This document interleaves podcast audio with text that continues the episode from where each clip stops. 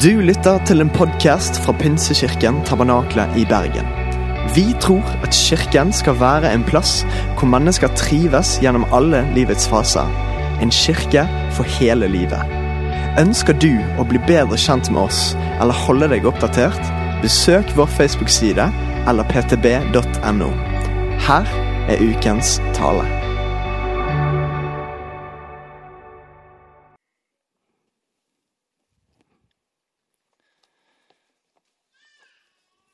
Skal dere ha. Om våre synder, hva som skal lage den. Eller purpurrød heter det på norsk. Så skal de bli hvite som sne. Det forteller litt om det som eh, skjedde i den påska som vi nettopp eh, legger bak oss. Vi har hatt en fantastisk helg, som det ble sagt. Og vi starter også faktisk en ny treukers serie i dag som vi har kalt 'Ubetinget kjærlighet'. Som vi kommer til å belyse litt i de tre søndagene framover. Og Kjærligheten den dyrkes jo og feires rundt overalt på forskjellige måter. Og Størst av alt er kjærligheten, hører vi jo ofte. Men så legger vi kanskje litt forskjellig i hva den betydningen er. Og Vår bønn er at disse ukene skal eh, få lov til å gi oss et større bilde av Guds kjærlighet, og hvordan vi kan ta imot den, og hvordan kan, den kan forme oss, og hvordan den kan lede oss til å elske mennesker sånn som Bibelen sier at vi skal gjøre. Men i dag skal vi få lov til å starte med en side av kjærligheten som har også med påske å gjøre. Og Jeg har lyst til å eh, dele sammen med deg i dag noe som jeg har kalt suveren kjærlighet gjennom Jesu død og oppstandelse. Så det skal vi få lov til å dele sammen. Vi har siden eh, forrige uke fulgt påskedrama gjennom palmesøndag, skjærtorsdag og langfredag. Og Denne søndagen så har jeg lyst til at vi skal se litt hva som eh, skjedde. Hvordan denne suverene kjærligheten gir seg uttrykk gjennom Jesu død og oppstandelse. I år 33 etter Kristus, mens Jesus fortsatt gikk eh, her nede på jorda, så hadde han ca. 120 mennesker rundt seg. Tolv disipler som i løpet av de årene Jesus tjenestegjorde her nede, ble til en eh, nær skare på en ca. 120 som var på øvresalen og venta på at ånden skulle komme. Disippel det betyr lærling, og de multipliserte seg i løpet av disse tre årene. Det er kanskje ikke så mange, tenker du, men i dag, 2000 år senere, så er det 2,3 milliarder mennesker som bekjenner seg som kristne. 2,3 milliarder mennesker som sier at de tror at Jesus Kristus er Guds sønn. At han døde for våre synder, sto opp igjen den tredje dag, og en dag kommer igjen. Jeg syns du kunne gi en liten klapp for det. Bare en liten en. For det er bare 2,3 milliarder. Det vil si at vi har fortsatt en stor jobb å gjøre i forhold til å nå også de milliardene som ennå ikke tror på Jesus. Men hva skjedde? Hva var grunnen til at dette, etter at Jesus sto opp og dro til himmelen, eksploderte som det gjorde? Hvordan kunne noe vokse fra den lille gruppa av tolv enkle jødiske menn til så mange. Jesus han skrev aldri en bok. Det er jo veldig populært i dag å skrive bøker og legge noe igjen etter seg. Men Jesus skrev aldri noen bok. Men flere bøker om han og av det han har sagt, har blitt skrevet enn alle andre bøker holdt på å si nesten til sammen.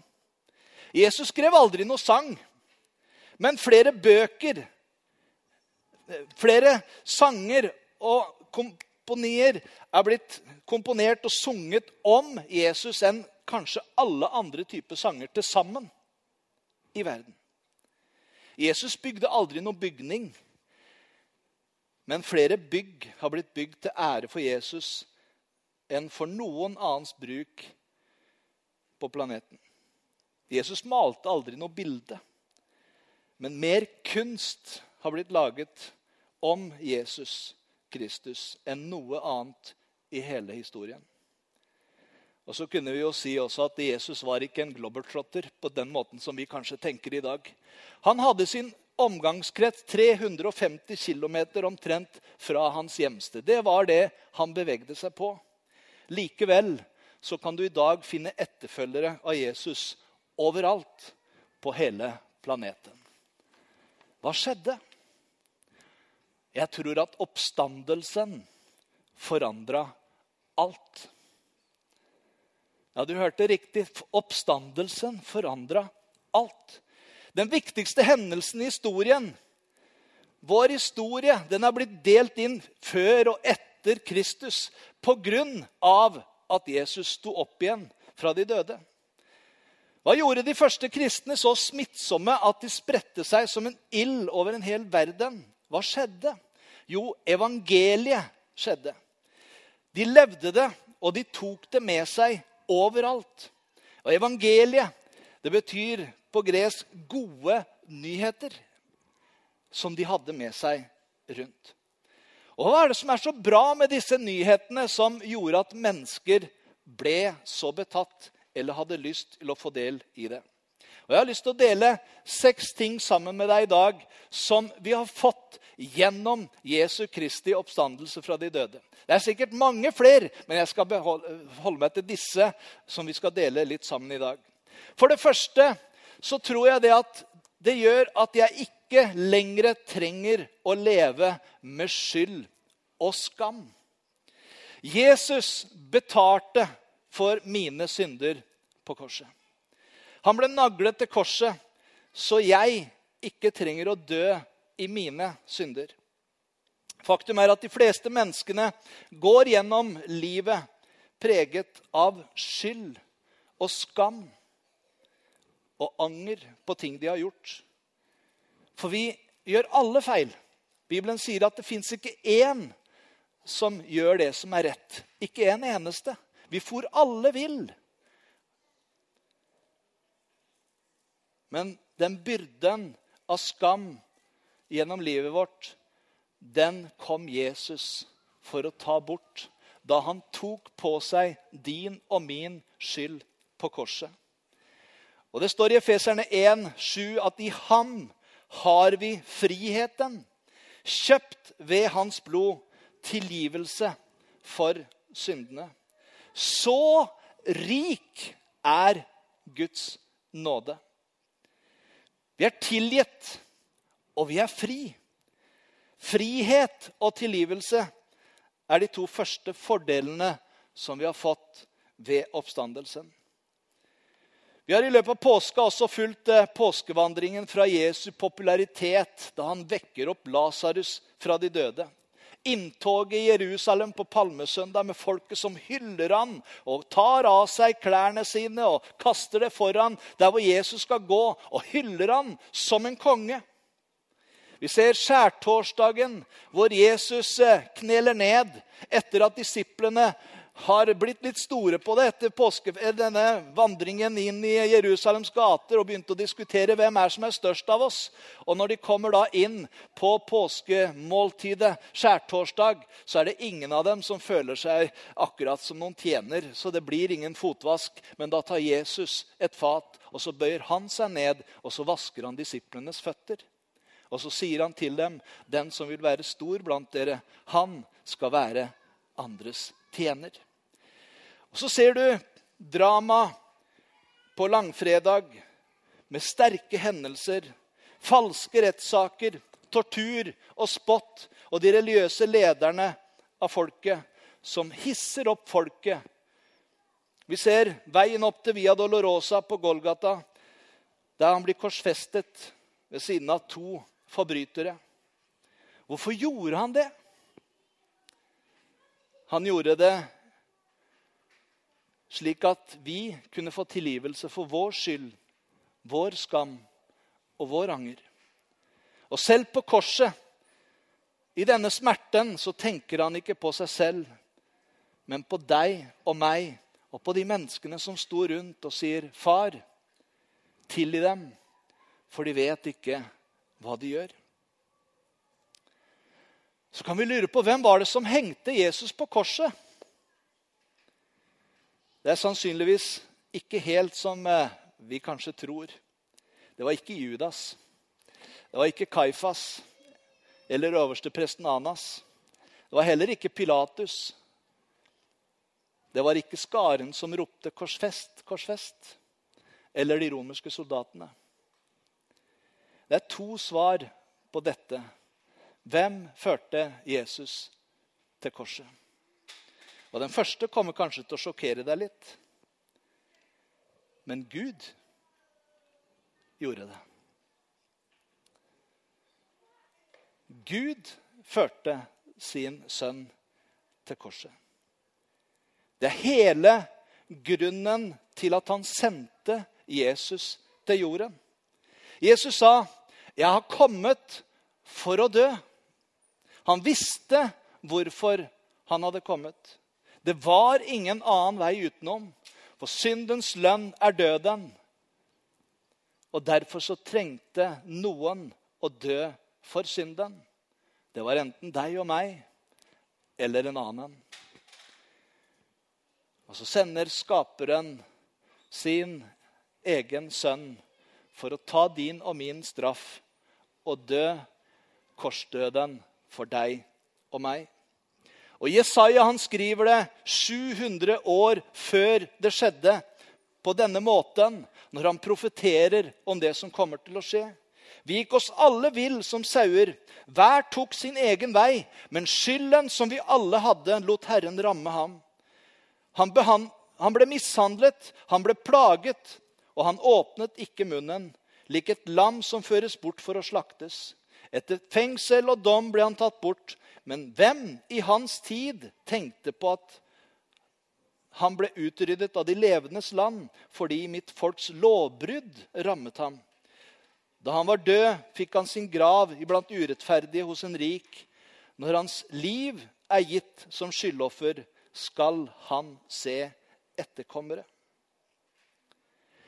Det er skrevet omtrent 300 profetier om det som skjedde rundt påske, som alle ble oppfylt. Gud sier, 'Dette er min plan fra alle tider'.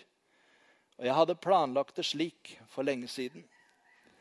Den andre som førte Jesus til korset, det var deg og meg. Menneskenes synd for hadde ikke vi menneskene syndet, så ville ikke Jesus trenge å dø for synden. Jesus var Gud, og hvis han ønsket, så kunne han ha tilkalt 10 000 engler som sto parat og hjalp han når han ble torturert, når han ble pint og spott, spottet. Men det var ikke spikrene som holdt Jesus til korset. Det var hans kjærlighet til deg og til meg. For av nåde er vi frelst. Så mye elsket han deg og meg. Og Romerne forteller at han ble overgitt til døden for våre synder og oppreist for at vi skulle bli rettferdige. Det var for deg og meg. Ja, det var for oss han gjorde det. Så den første grunnen til at nyheten spredte seg, er fordi evangeliet bærer i seg Jesus tilgivelse for våre synder. Vi trenger ikke å gå rundt og føle oss skamfulle over vår synd lenger, fordi Jesus allerede har betalt for det på korset. Og vi kan få lov til å ta imot hans nåde, og vi kan få lov til å ta imot hans tilgivelse. Jesu fiender de går eh, til eh, Pilatus etter at han er korsfestet og skal legges i grav, og sier vi er litt redd for at noen kommer til å stjele Jesus eh, der i graven. Så de eh, ordner at eh, det blir rulla en stor stein som krevde flere mennesker for å kunne greie å rulle denne steinen inntil denne gravhulen som Jesus lå i.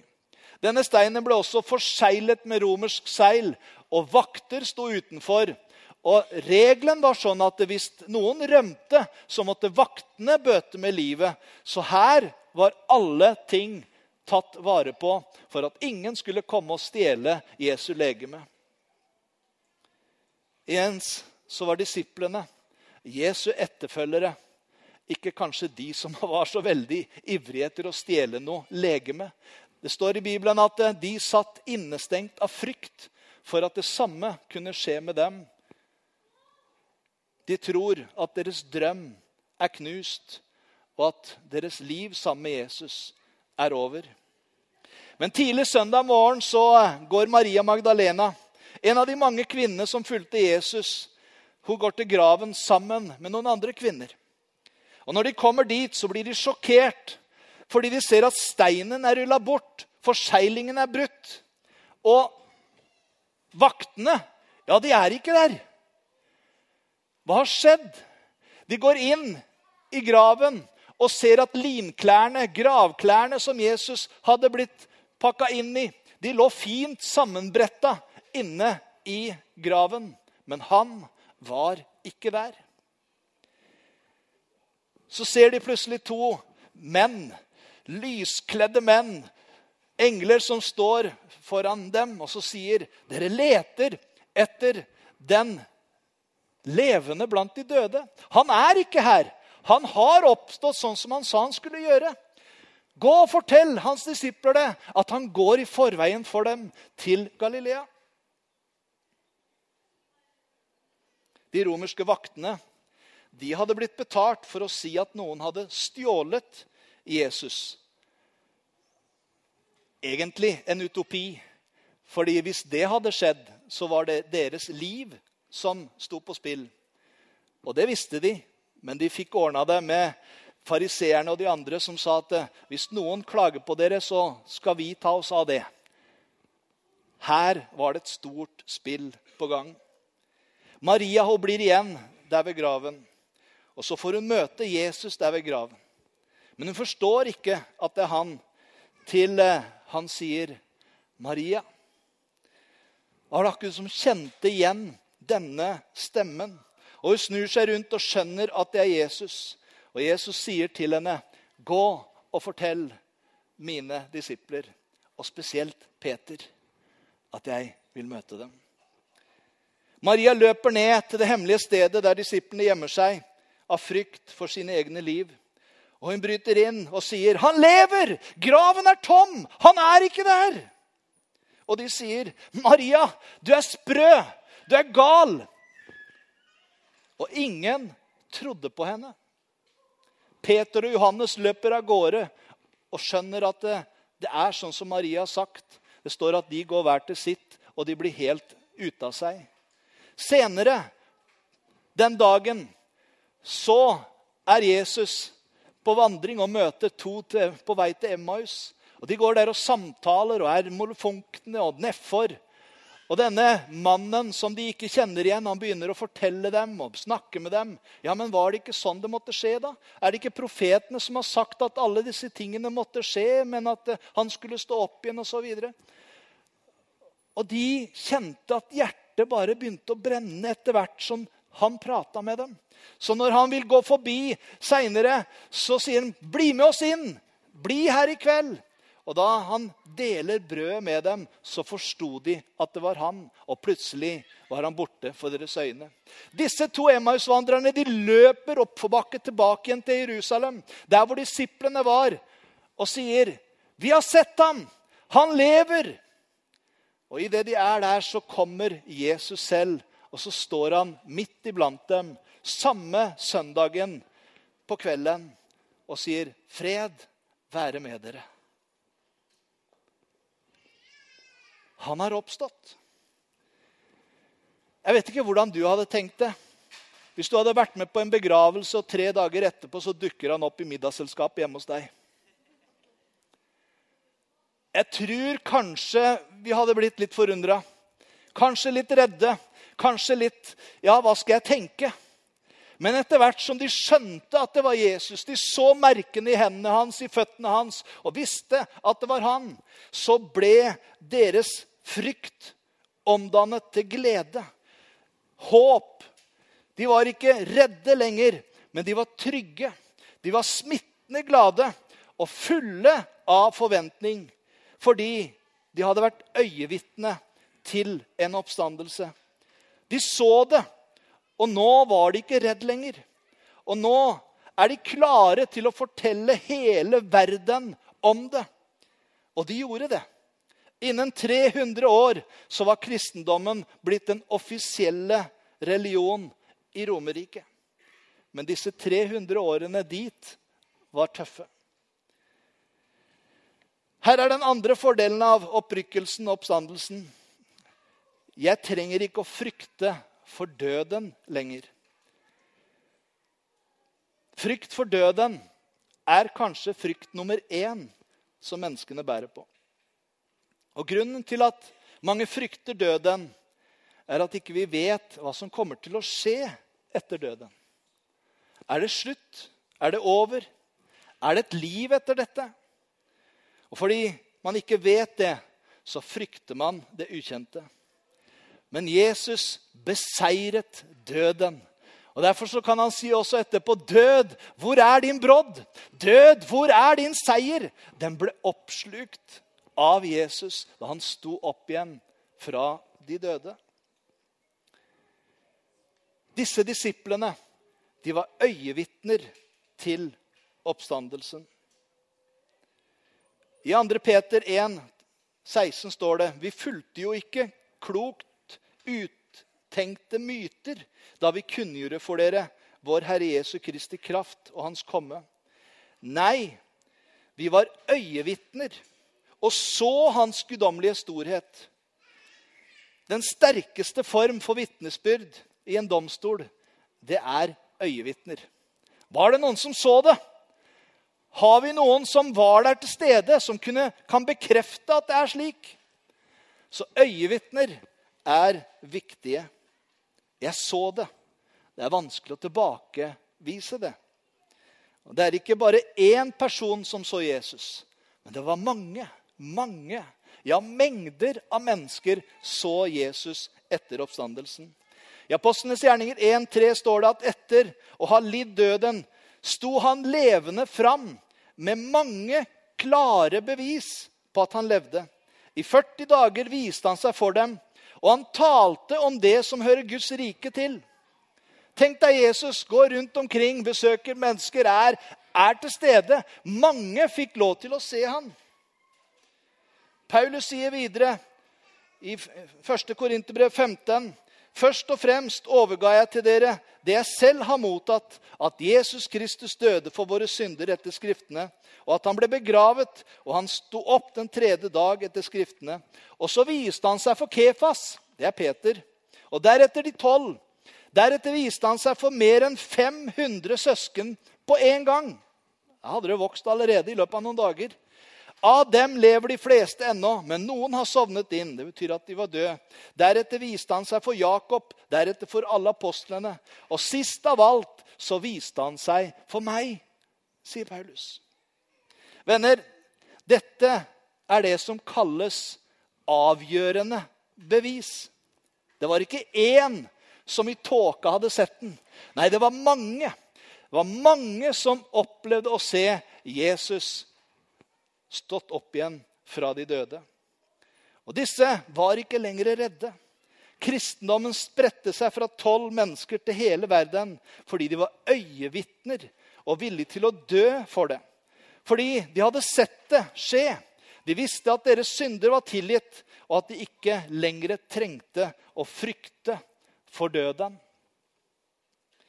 En tredje fordel ved oppstandelsen er at jeg får Guds ånd i meg.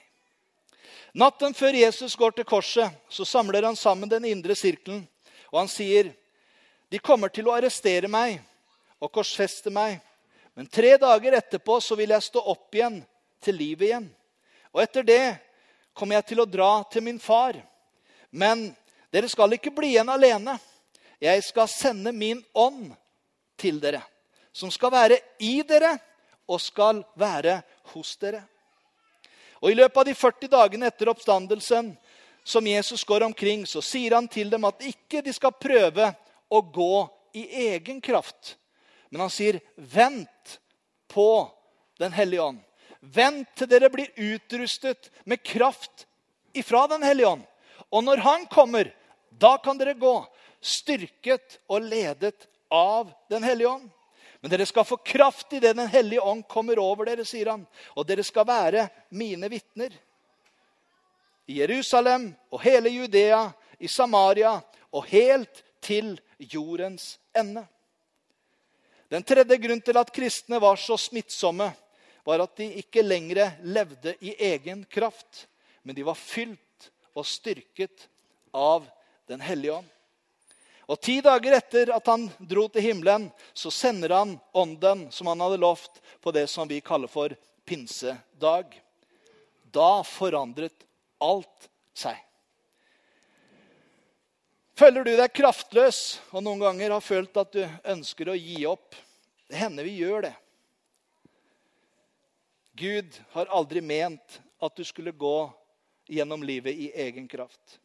Men han ønsker å legge sin kraft inni deg gjennom sin Hellige Ånd. Og Problemet er at vi ofte prøver å bruke vår egen viljestyrke til å få det til. Men viljestyrke er ikke nok. Det du ønsker å endre i livet ditt, som du ikke har egen styrke til å forandre, sier Gud at du kan få til gjennom Den hellige ånds hjelp og kraft.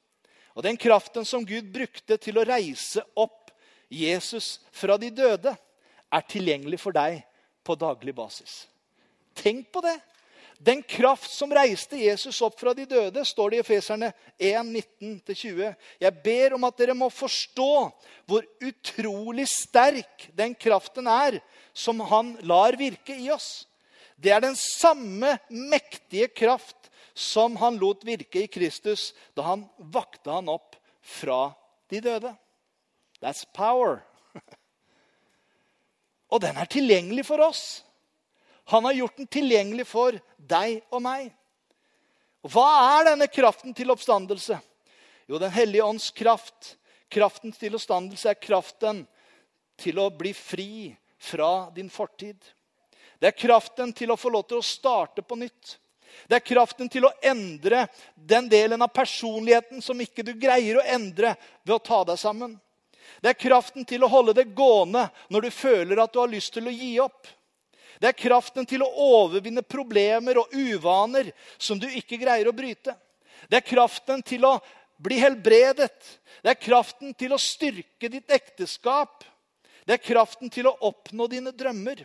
Det er kraften til å dele evangeliet med andre mennesker. Og det er Guds kraft som er tilgjengelig for alle som er villige til å gi seg til Den hellige ånd. Det er derfor kristendommen spredte seg så fort. De gjorde det ikke i egen kraft, men de gikk i tro, og de handlet i Den hellige ånds kraft. Den fjerde fordelen er at jeg er elsket betingelsesløst av Gud. Kraften i korset og oppstandelsen beviser det. Jeg er betingelsesløst elsket av Gud. Og Gud kommer aldri til å slutte å elske meg. Guds kjærlighet den er ikke basert på hvem du er, men på hvem han er. Den er ikke basert på hva du gjør, men den er basert på hva han har gjort. Bibelen sier at Gud er kjærlighet. Han ikke bare har kjærlighet, men han er kjærlighet. Og Den eneste grunnen til at du er i stand til å elske og bli elsket, er fordi du blir skapt i hans bilde. Fordi Gud er kjærlighet. Alt du har i livet ditt, er fordi Gud elsker deg. Du har ikke fortjent det. Gud ga det til deg, og han vil aldri slutte å elske deg. Og Dette er den fjerde grunnen til at kristendommen bare eksploderte i en tredjedel av verden. Evangeliet er ikke et budskap om frykt, hat og en sint Gud. Nei, det er budskapet om en kjærlig Gud som ga det beste han hadde, sin eneste sønn, for at hver den som tror på han ikke skulle gå fortapt, men ha evig liv. Bibelen, Guds ord, forteller oss om denne kjærligheten. i det som vi kaller den lille Bibel. For så høyt har Gud elsket verden, at han ga sin sønn den eneste, for at hver den som tror på han ikke skal gå fortapt, men ha evig liv. Og jeg må alltid ha med vers 17 nå. Jeg vet ikke om du stopper der. For det står Gud sendte ikke sin sønn til verden for å dømme verden. Er ikke det vi ofte tenker av? Får han ikke tatt oss i dette livet, så tar han oss i det neste. Nei, Gud er ikke sånn. Gud sendte sin sønn til verden ikke for å dømme verden, men for at verden skulle bli frelst ved ham. Og så har han gjort det så enkelt at vi kan få lov til å ta imot. Jesus har ikke kommet for å dømme deg. Det er en annen som gjerne vil få deg til å tro det. Men Jesus han har kommet for å frelse deg. Jeg har fått se hundrevis av mennesker opp gjennom livet som har opplevd denne forvandlingen gjennom å møte Guds kjærlighet. I de fleste religioner så er de basert på regler og bud for å bli god nok til å komme fram for Gud. Det er helt annerledes med kristendommen. Der er det Gud som kommer til oss fordi vi ikke er gode nok til å komme til Gud. Jesus sier det slik i Johannes 13.: Et nytt bud gir jeg dere. Dere skal elske hverandre. Som jeg har elsket dere, skal dere elske hverandre. Og ved dette skal dere forstå at dere er mine disipler, at dere har kjærlighet til hverandre. Beviset på at du er en kristen, at du er en etterfølger av Jesus, er ikke at du går i kirke er ikke hvor mye du leser i Bibelen, eller hvor fine bønner du ber. Nei, det er to ting. Det er at du elsker Gud av hele ditt hjerte og de neste som deg selv. Det er det som hele loven og profetene faller sammen ned til, sier Jesus. Faktisk så er kristendommen den eneste religionen der Gud sier, ja, han faktisk befaler, og til og med elsker dine fiender. Ingen er utelatt. År senere så skriver Johannes, som skrev flere bøker, dette i sin alderdom, da han husket tilbake på hva Jesus hadde sagt. I 1. Johannes 3, 10 så står det slik viser det seg hvem som er Guds barn. Så hopper jeg litt. Den som ikke gjør det som er rett, og som ikke elsker sin bror, er ikke av Gud. For dette er budskapet dere hørte fra begynnelsen av. Vi skal elske hverandre. Slik viser det seg hvem som er Guds barn, sier Johannes her. Ja, Men er ikke alle Guds barn, da? Er vi ikke alle Guds barn? Det er noen som tenker det. Men Bibelen er veldig klar på det. Alle er ikke Guds barn. Alle er elsket av Gud. Alle er skapt i hans bilde. Men det er bare de som tok imot han, som han ga retten til å kalles Guds barn. De som tror på hans navn. I Den nye testamentlige tid, den første menighet, er en av de mest fantastiske omvendelsene som jeg leser om. Omvendelsen til en som heter Paulus, eller som han hette før, Saulus fra Tarsus. Hvem var denne Paulus? Han var ingen kristen. Ja, han var fariseer, han var teolog. Men eh, vi må vel heller kalle han for antikristen. Fordi han var en religiøs terrorist. Paulus ble ansatt av regjeringen for å utrydde kristendommen. Og De fleste vet ikke at de første 300 år i kirken så var det ulovlig å være en kristen i Romerriket. Å si at du var en kristen, var forbundet med at du kunne få dødsstraff. Og Mange kristne ble overgitt til gladiatorene, matet til løvene, korsfestet, brent på bål, halshugget. Å være en kristen betydde sikker død i Romerriket de første 300 år. I dag skal Paulus med en hær av soldater ned til Damaskus fordi han har hørt at det er mange kristne der. Men på veien til Damaskus har Paulus et møte med denne Jesus som han forfulgte. Og hans liv ble så radikalt forvandlet at han vender om fra å være en hatende etterfølger til å på en måte bli kjærlighetens apostel. Denne mannen skriver senere de vakre ordene i 1. Korinterbrev 13, som leses nesten daglig i brylluper over hele verden. Kjærligheten er, kjærligheten er. Bibelen forteller oss at vi som menighetsfamilie er brødre og søstre i kjærlighet. At vi skal elske hverandre, og at vi skal ta vare på hverandre. Den femte fordelen i oppstandelsen er dette.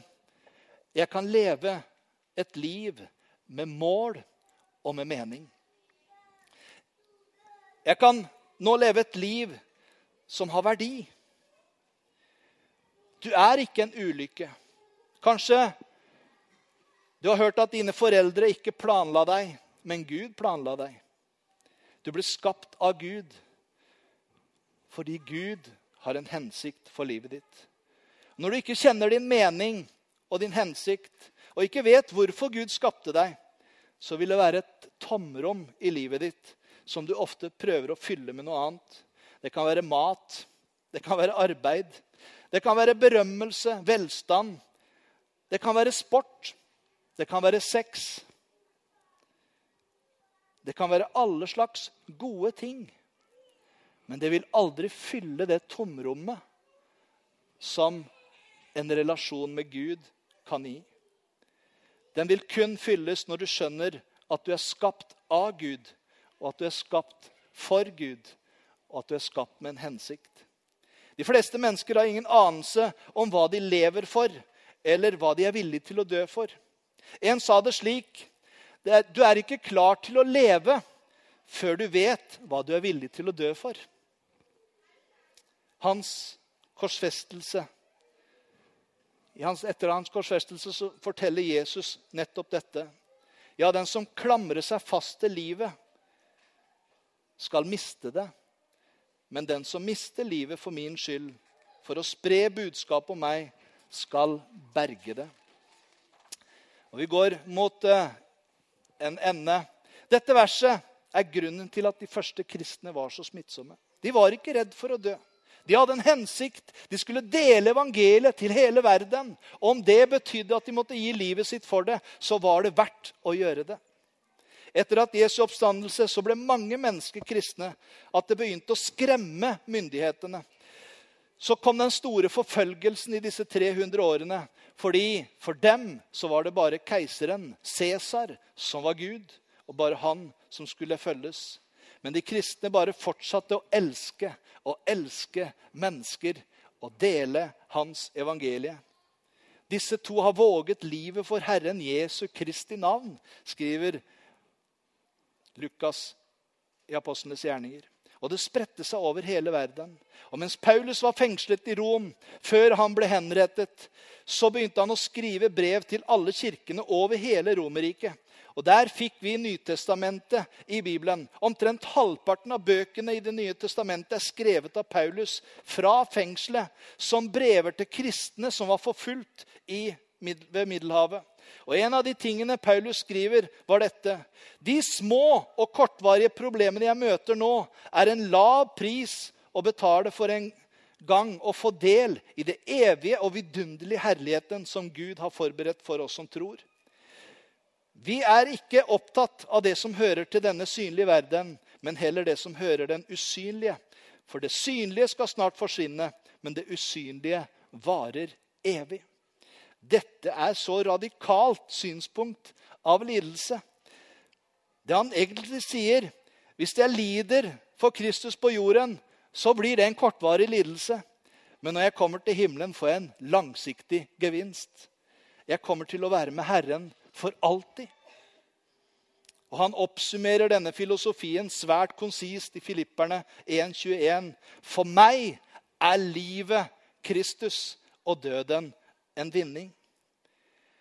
Det var den kristendomsfilosofien som spredte seg over hele verden. De var villige til å gi alt for Jesus. Hvordan er det i dag, tenker du kanskje? Jeg leste nettopp i går fra Åpne dører sin eh, gjennomgang av World Watch List fra i fjor, 2021, at forfølgelsen av kristne har tatt, tiltatt i styrke.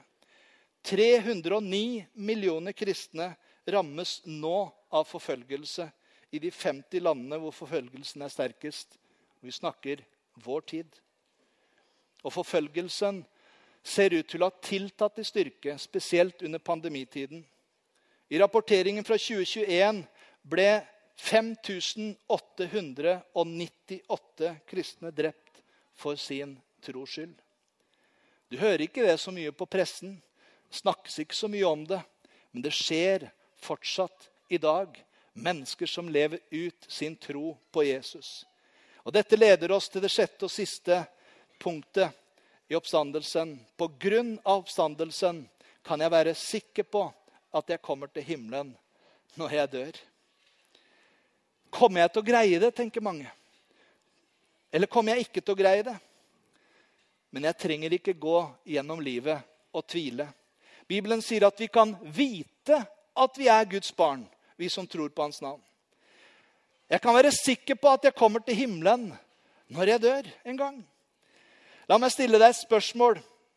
Er du sikker på at du kommer til himmelen? Hvis livet ditt skulle ta slutt, og du skulle stå foran Gud, og han sa til deg, 'Hvorfor skal jeg la deg komme inn i min perfekte himmel?' Hva ville du si? Ja, jeg prøvde å være god. Jeg har vært så en grei kar, egentlig. Gjort det meste riktig og prøvd å ikke være så slem. Nesten litt kardemommeloven. Men det hjelper ikke. Det er ikke nok i himmelen. Ingen greier å være god nok. Fordi himmelen er et hellig og perfekt sted. Og du og jeg, vi er ikke det. Vi greier ikke å være gode nok. Det er derfor vi trengte en frelser. Det er derfor vi trenger Jesus, som har tilgitt oss våre synder. Og Hvis det fantes en annen måte å gjøre det på, tror du ikke Gud hadde spart sin eneste sønn? Men det var ingen annen måte. Så Jesus sender en stedfortredende offer for vår synd, sin eneste sønn. De første kristne var smittsomme fordi de var uredde. De visste at de skulle komme til himmelen når de døde. Og de visste at deres framtid var sikker. At deres frelse ikke kunne bli tatt fra dem. 1. Peter 1 så står det 'Han som i sin rike miskunn har født oss på ny'. Det er det kristenlivet vi er født inn i. Til et levende håp ved Jesu Kristi oppstandelse fra de døde. Til en arv som aldri forgår, aldri skitnes til og aldri visner. Den er gjemt i himmelen for dere. Og Johannes, den disippelen som blir forvist til øya Patmos, han får lov til å se inn i noe av det som venter oss i himmelen. Han kunne bare forklare det på den måten han så det. Men eh, Bibelen sier at det intet øye så og intet øye hørte, det som ikke kom opp i noe menneskehjerte, det som Gud har gjort ferdig for dem som elsker ham. Så hva handler påsken om? Jeg trenger ikke lenger å leve med skyld og skam. Jeg trenger ikke å leve med frykten for døden. Jeg kan ha Guds ånd i meg. Jeg er elsket betingelsesløst av Gud. Jeg er fri, jeg er tilgitt. Og jeg kan ha et godt liv med hensikt og mening du lytter til en podkast fra Pinsekirken Tabernakle i Bergen. Vi tror at kirken skal være en plass hvor mennesker trives gjennom alle livets faser. En kirke for hele livet. Ønsker du å bli bedre kjent med oss eller holde deg oppdatert? Besøk vår Facebook-side eller ptb.no. Her er ukens tale.